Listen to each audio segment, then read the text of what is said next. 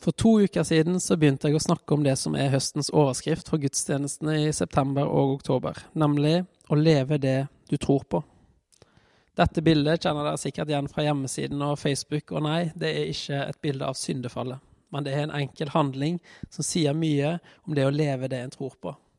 Ei lita jente som uselvisk deler eplet med denne gutten. Sist så snakker jeg om at eh, for oss som tror på Jesus, så betyr det å leve det vi tror på, og ta del i det oppdraget som Jesus starta i denne verden. Nemlig å være med på redningsaksjonen for å finne de bortkomne sauene. For å finne de syke som trenger lege. Eller hjelpe de som har kommet bort, og finne veien hjem igjen til sin far i himmelen. Oppdraget handler om for oss å dele og å vise Guds kjærlighet i denne verden. Og Jeg snakker om viktigheten av å ikke bare gjøre gode gjerninger, men òg si gode ord, eller dele evangeliet i ord. Dagens tekst fortsetter litt i samme tematikk, og avsnittet vi snart skal lese fra, er en del av Paulus sin forbønn for menigheten i Filippi. En menighet Paulus kjente godt. Han kjente de som var der, han kjente deres historie, hvordan de kom til tro, og hva som var deres styrker og hvilke utfordringer de hadde. Og i innledningen til dette Filippa-brevet så takker og ber Paulus for denne menigheten. Og like før versene vi skal lese, så kommer det kjente verset, vers 6, der det står Og jeg er trygg på at Han som begynte sin gode gjerning i dere, skal fullføre den, helt til Jesu Kristi dag. Så Paulus han skriver til en menighet i vekst og utvikling, som er en naturlig del av det å tro på og følge Jesus. Det er en prosess i hver enkelt av oss, og i oss som fellesskap. Noe Gud har starta, og som han en dag vil fullføre. Og en sentral del av livet med Jesus det er å bli mer og mer lik han. Det er det som vi snakket om på å bli kjent-festen for noen uker siden. Og Derfor er det òg Paulus ber for menigheten i Filippi i dagens tekst, at deres kjærlighet må vokse og bli mer og mer lik Jesus sin kjærlighet, nemlig rik på innsikt og dømmekraft. Og I dag så skal vi snakke om denne kjærligheten Paulus refererer til, sett i lys av dagens lesetekst fra Matteus, fra Bergpreken, Matteus kapittel 5, og hvordan dette utfordrer oss i praksis når vi skal snakke om det å leve det vi tror på. Så vi leser fra Filippa-brevet, kapittel 1, vers 9-11. Og dette ber jeg om, at deres kjærlighet må bli mer og mer rik på innsikt og dømmekraft, slik at dere kan forstå og avgjøre hva som er viktig, og stå rene og uten feil på Kristi dag, fylt av rettferdsfrukt som vokser fram ved Jesus Kristus, til lov og ære for Gud. For noen år siden i USA så ble det foretatt en litt artig spørreundersøkelse blant voksne om hvilke superkrefter de helst skulle ønske at de hadde hvis de kunne velge en. Og hva ville de gjort hvis de hadde den superkraften? Og Det kom naturligvis inn mange gode forslag hos voksne òg, men det som viste seg å være det mest kanskje overraskende, eller i hvert fall det de ikke hadde forventa for forskerne, var at alle svarene som kom inn når de ble spurt om hvorfor, eller hva de ville gjøre med denne superkraften, det var selvsentrerte grunner, egoistiske grunner. Så forskerne stilte et kontrollspørsmål for å sjekke om det faktisk var det folk tenkte, eller om hvis de ble utfordra på en annen måte, spurt på en annen måte, ville endre litt på det svaret, da. Så de foreslo om det ikke heller var hvis du kunne bruke det til å hjelpe noen, eller eh, bekjempe kriminalitet, eller skape fred i verden, eller gjøre noe med fattigdomsutfordringen. Hvorpå responsen ble nei. Det var de ikke interessert i. Det var ikke derfor de ville ha superkrefter. Hvis man utsatte seg sjøl for fare, eller man kunne bli skada, eller man kunne miste superkraften sin hvis man delte den med, med andre. Hva sier en sånn undersøkelse om oss mennesker? Jo, den sier at vi er en gjeng med egoister som naturlig tenker på oss sjøl framfor andre. Det er en del av vår natur, vår falne natur, kan vi si. Men det er ingen unnskyldning for å leve etter den falne naturen enda. Jeg må jo si at vår tids eh, situasjon de siste årene, og igjen de siste dagene og ukene med økt fokus på dette med debatten rundt flyktninger, om de skal få lov å komme til Norge fra bl.a. Moria.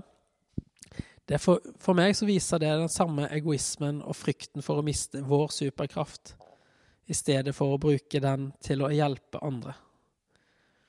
Egentlig for meg så viser dagens situasjon denne undersøkelsen fra USA i praksis. Så hva vil det si å leve det du tror på, når det kommer til å leve ut en kjærlighet som blir mer og mer rik på innsikt og dømmekraft, slik at det kan vokse fram rettferdsfrukter i våre liv? Og den som har vist oss hva denne kjærligheten er, og fortalt oss hva den betyr, det er Jesus. Han kom til denne verden og introduserte en ny måte å tenke på. En ny måte å leve på. I Johannes 13 så gir Jesus disiplene et sammendrag på en måte av det viktigste han hadde å si dem. Og der sier Jesus blant annet Et nytt bud gir jeg dere. Dere skal elske hverandre. Som jeg har elsket dere, skal dere elske hverandre. Så dette er noe nytt, sier Jesus. Et nytt bud. En ny måte å tenke på. Akkurat som i bergpreken som Hilvei leste fra tidligere i dag, så der det annet står Dere har hørt det er sagt, men jeg sier dere. Dere skal velsigne dem som gjør vondt mot dere. Dere skal elske deres fiender. Om noen vil saksøke deg for skjorten din, så la han få kappen din også. I Matteus 22, bare dager før Jesus blir korsfesta, også det er en oppsummering av, av eh, det viktigste Jesus sier, på en måte, så blir Jesus stilt til veggs av en skriftlig fariseer. Så spør han, Mester, hvilket bud er det største i loven? Og Jesus svarer, du skal, din, du skal elske Herren din Gud av hele ditt hjerte og av hele din sjel og av all din forstand. Dette er det største og første budet. Men det andre er like stort. Du skal elske din neste som deg selv. På disse to budene hviler hele loven og profetene. Det er egentlig dette det handler om, sier Jesus. Essensen av alle Guds bud. Av alt det jeg har undervist og praktisert, det er at vi skal elske Gud, og vi skal elske hverandre. Dere skal elske hverandre, slik som jeg har elsket dere. Johannes 15, samme avskjedstale til disiplene, så gjentar Jesus disse ordene. Dette er mitt bud til dere. Elsk hverandre. Det er bare det, sier Jesus. Hvis dere bare gjør dette, så har dere skjønt meningen med hele loven. Paulus nevner det òg i sitt brev til galaterne, kapittel 5. For hele loven blir oppfylt i dette ene budet, sier Paulus.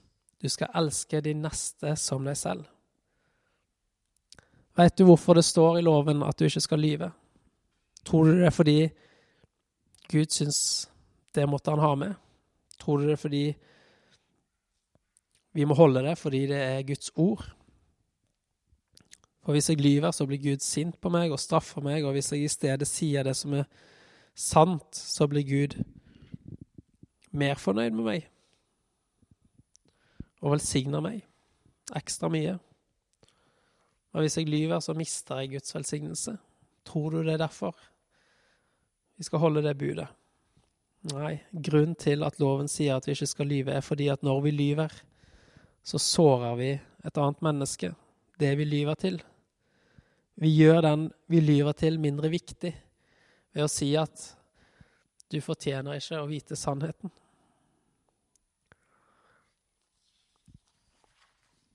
Vet du hvorfor loven ber oss om å leve sjenerøst og gi tiende, f.eks.? Er det fordi at hvis vi gir Gud 100 kroner, så vil han velsigne oss med 1000? Er det fordi Gud elsker en glad giver, og han vil derfor elske oss mer hvis vi gir mer? Nei. Det står i loven at vi skal leve sjenerøse liv og bruke f.eks. 10% av vår inntekt på andre enn oss sjøl. For når vi gjør det, så elsker vi vår neste. Når vi gjør det, så hjelper vi andre mennesker. Når vi deler vår rikdom, så blir Guds kjærlighet formidla gjennom oss. Hvorfor skal vi ikke baksnakke? Er det fordi Gud blir sint på oss? Er det fordi at han vil straffe oss hvis vi baksnakker? Nei. Det er fordi vi sårer hverandre når vi baksnakker.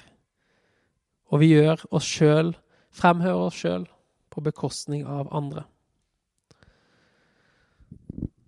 Dere trenger ikke vite hver bokstav i loven. Dere trenger ikke henge dere opp i detaljer og bli styrt av en plikt når dere skal eh, For å avgjøre når dere skal spise, og når dere skal vaske dere, og når dere skal gå, og når dere skal sitte ned, og i hvilken rekkefølge alt må skje for å være riktig etter loven.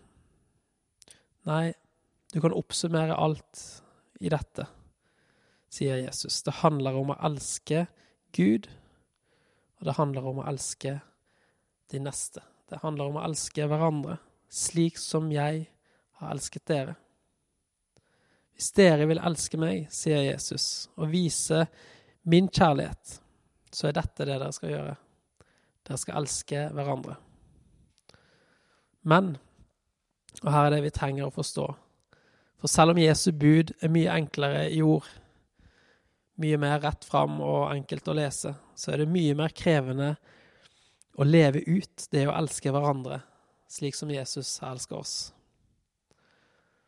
Og Jeg skal vise dere noen eksempler på hvordan Jesus elska sine disipler, og hvordan han elska andre mennesker. Og dere vil skjønne hva jeg mener med at det er krevende.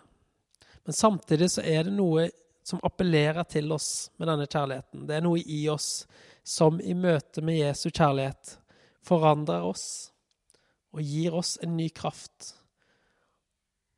Og gir oss en vilje til å elske hverandre mer enn vi gjorde før vi møtte Jesus. I Filippane 2 så skriver Paulus ha samme sinnelag, samme kjærlighet, vær ett i sjel og sinn. Gjør ikke noe av selvhevdelse og tom ærgjerrighet, men vær ydmyke og sett de andre høyere enn dere selv. Tenk ikke bare på deres eget beste, men også på de andres. La samme sinnelag være i dere, som også var i Kristus Jesus. Han var i Guds skikkelse og så det ikke som et rov å være Gud lik, men ga avkall på sitt eget, tok på seg en tjenerskikkelse og ble menneskelik. Da han sto fram som menneske, fornedret han seg selv og ble lydig til døden, ja, døden på korset. Å elske hverandre slik som Jesus elsker oss, betyr å være ydmyk. Det betyr å gi avkall på noe, og det betyr å sette andre foran oss sjøl. Ingen i ditt liv vil kjenne seg elska av deg hvis du ikke er ydmyk. Hvis du ikke klarer å gi avkall på deg sjøl, og hvis du ikke klarer å sette de først. For det er den kjærligheten Jesus kom med. Det er det det betyr å elske som Jesus. Og Så tok Jesus det et steg videre. Han overraska ikke bare mennesker med måten han viste kjærlighet, men òg til hvem han viste kjærlighet. Jesus elska nemlig de utstøtte, de syke, de fattige, de som andre mente ikke fortjente å bli elska. Ja, til og med deres fiender elsker Jesus. Og det kan være vanskelig å forstå hvor radikalt nytt Jesus så på mennesker som var annerledes og såkalt urene i loven. For loven i Det gamle testamentet var veldig tydelig på dette. Det finnes nemlig rene mennesker og urene mennesker, mente de, og disse må holdes fra hverandre. Man måtte være rein for å komme frem for Gud. For å bli rein så måtte man gå gjennom en omfattende seremoni i tempelet. Og hvis man kom nærmere, nærme noen som, som ikke var rein, så måtte man gå gjennom den omfattende seremonien i tempelet en gang til. Så det å være rein, det var veldig vanskelig. Og det gjorde at rene mennesker prøvde å holde på denne renheten så lenge de kunne, og dermed holdt avstand fra syke, fattige og syndige mennesker. Det var også grunnen til at presten og levitten i fortellingen om den barmhjertige samaritanen bare gikk rett forbi mannen som lå døende. De kom fra Jerusalem på vei til Jeriko og så denne mannen. I Jerusalem hadde de mest sannsynlig vært i tempelet og var reine, blitt reine. Og når de kom og så denne mannen som lå der, skitten, forslått, urein, så var det noe i de som sa at det kan jeg ikke røre. Han er, han er urein, og jeg er rein.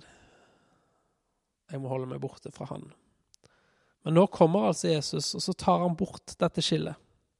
Jesus som er Gud, den reneste av de alle, tok på seg et menneskes kropp, en urein kropp. Og han gjorde noe de religiøse lederne bare ikke ville godta. Han tok på de ureine. Han elska de som ikke fortjente det. Han la hendene på de syke. De må ikke måtte røre i frykt av å bli syk, sjøl. Og han spiste sammen med syndere og tollere. Og det som skjedde, var at i stedet for at Jesus ble urein, så ble de han viste kjærlighet, de han rørte ved, tilgitt. De ble rensa. Og han sa, fra nå av skal dere ikke holde dere adskilt, men dere skal ta dere spesielt av de av mine minste. De som er syke, de som er fattige, de som er utstøtte. Dere skal ikke skille dere fra dem, men dere skal omfavne dem.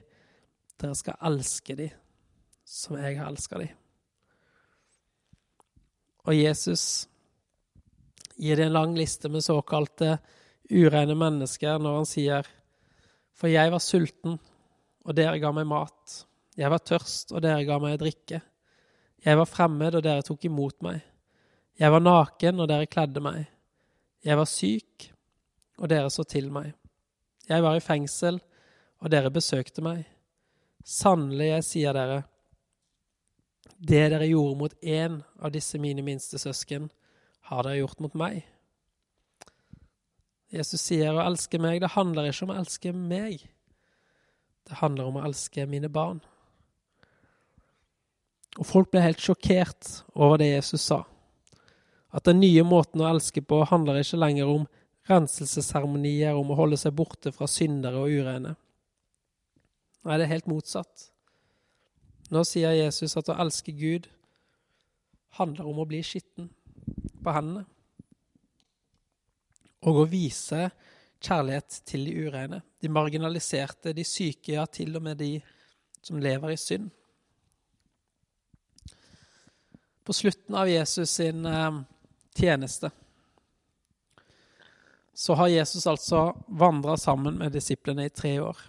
I tre år har Jesus praktisert sin kjærlighet på mennesker og på disiplene. Og de har sett det. Og nå er det tid for det siste måltidet de skal ha sammen. Øvresalen er rigga til festmåltid, og ved inngangen så står det en vaskefat og en mugge og et håndkle. Ikke til hendene, men til føttene. Alle hus og alle hjem i Israel på denne tiden hadde den innretningen, fordi alle gikk rundt barføtt eller i sandaler på sandete veier.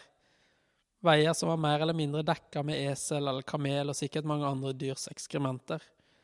I tillegg vet vi at kloakken på den tiden de rant ikke i lukkede kanaler, men i grøftene langs veien hvor folk gikk. Så du kan bare tenke deg behovet for å vaske seg på føttene før man går inn i et hus. Og I tillegg så var det jo ikke sånn at man satt til bords, men man lå til bords med føttene eh, opp i naboens eh, ansikt, mer, mer, eller mindre, eller i nærheten av hodet i hvert fall. Så du kan bare tenke deg hvor naturlig og viktig dette med fotvasking var for disiplene. Så se for deg at disiplene kommer inn i dette rommet.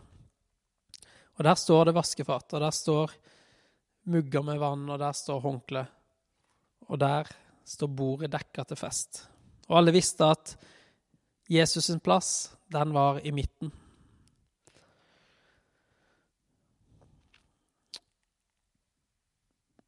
Og jeg veit ikke hva disiplene tenkte, men kanskje kom den første disippelen inn og tenkte at hvis jeg begynner å vaske mine føtter, så blir dette plutselig min oppgave. Da forventer de andre at jeg skal vaske deres føtter òg. Det er jo det Jesus gjør. Han, eh, han er en tjener, og hvis jeg begynner, så blir jeg den tjeneren alle forventer at jeg skal være.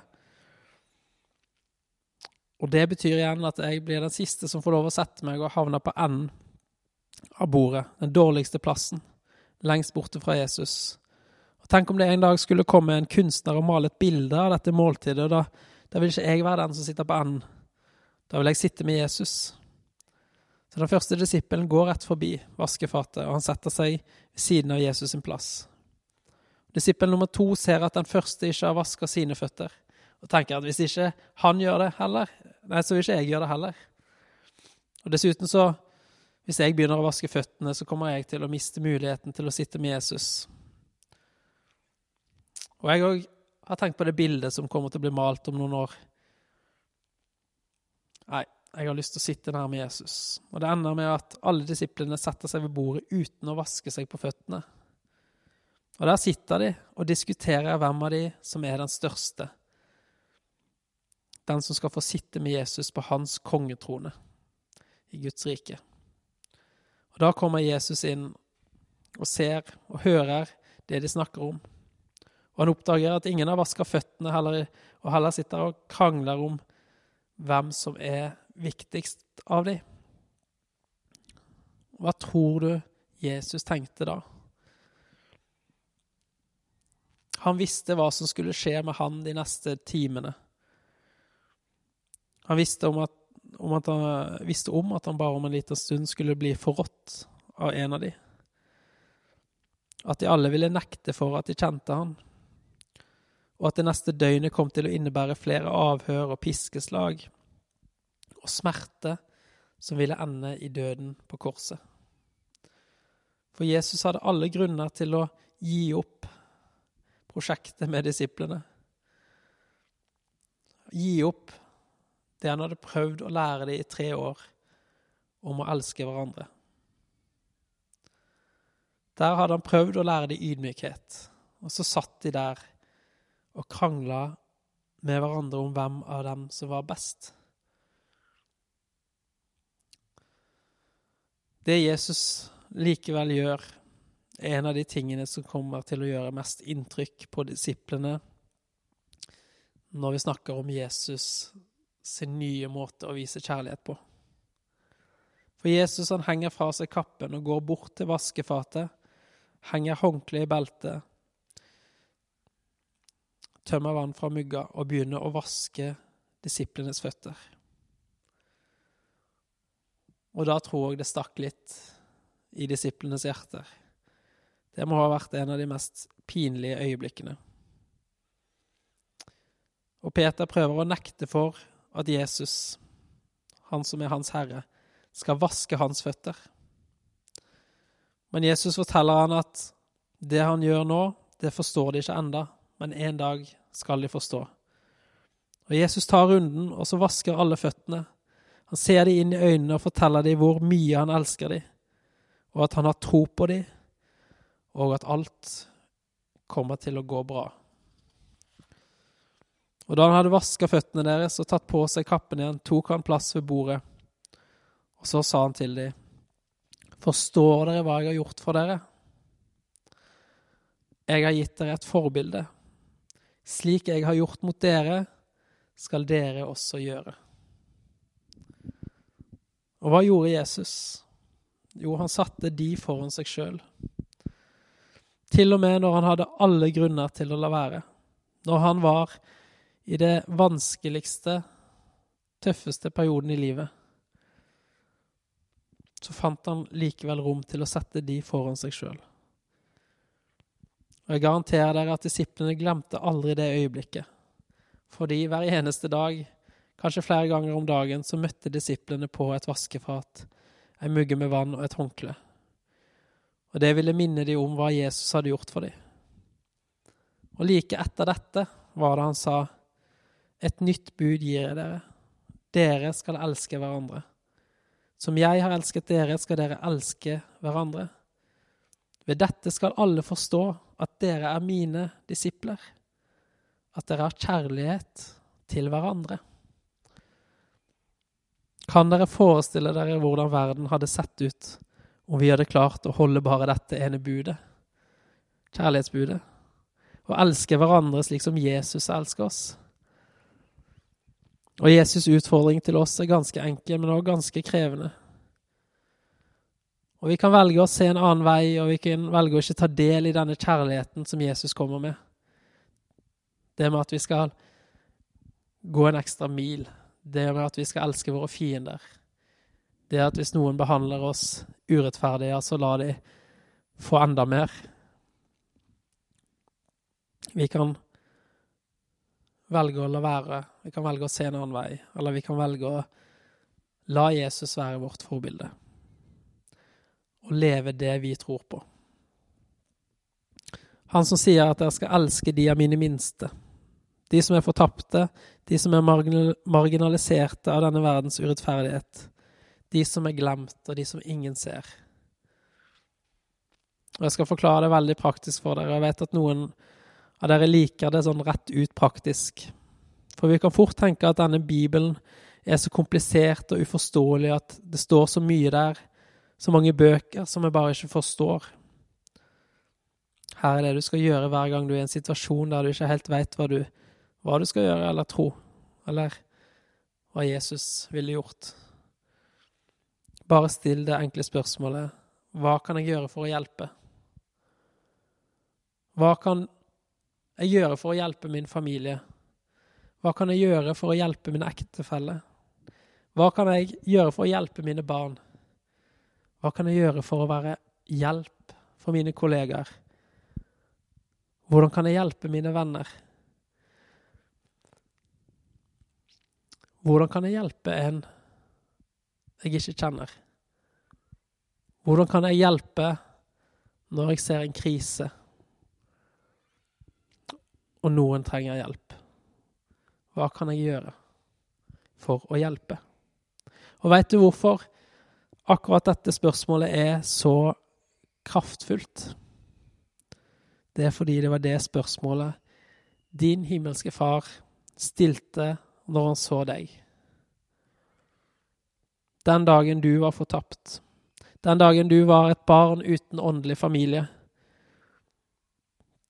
Den gangen du var blitt såra.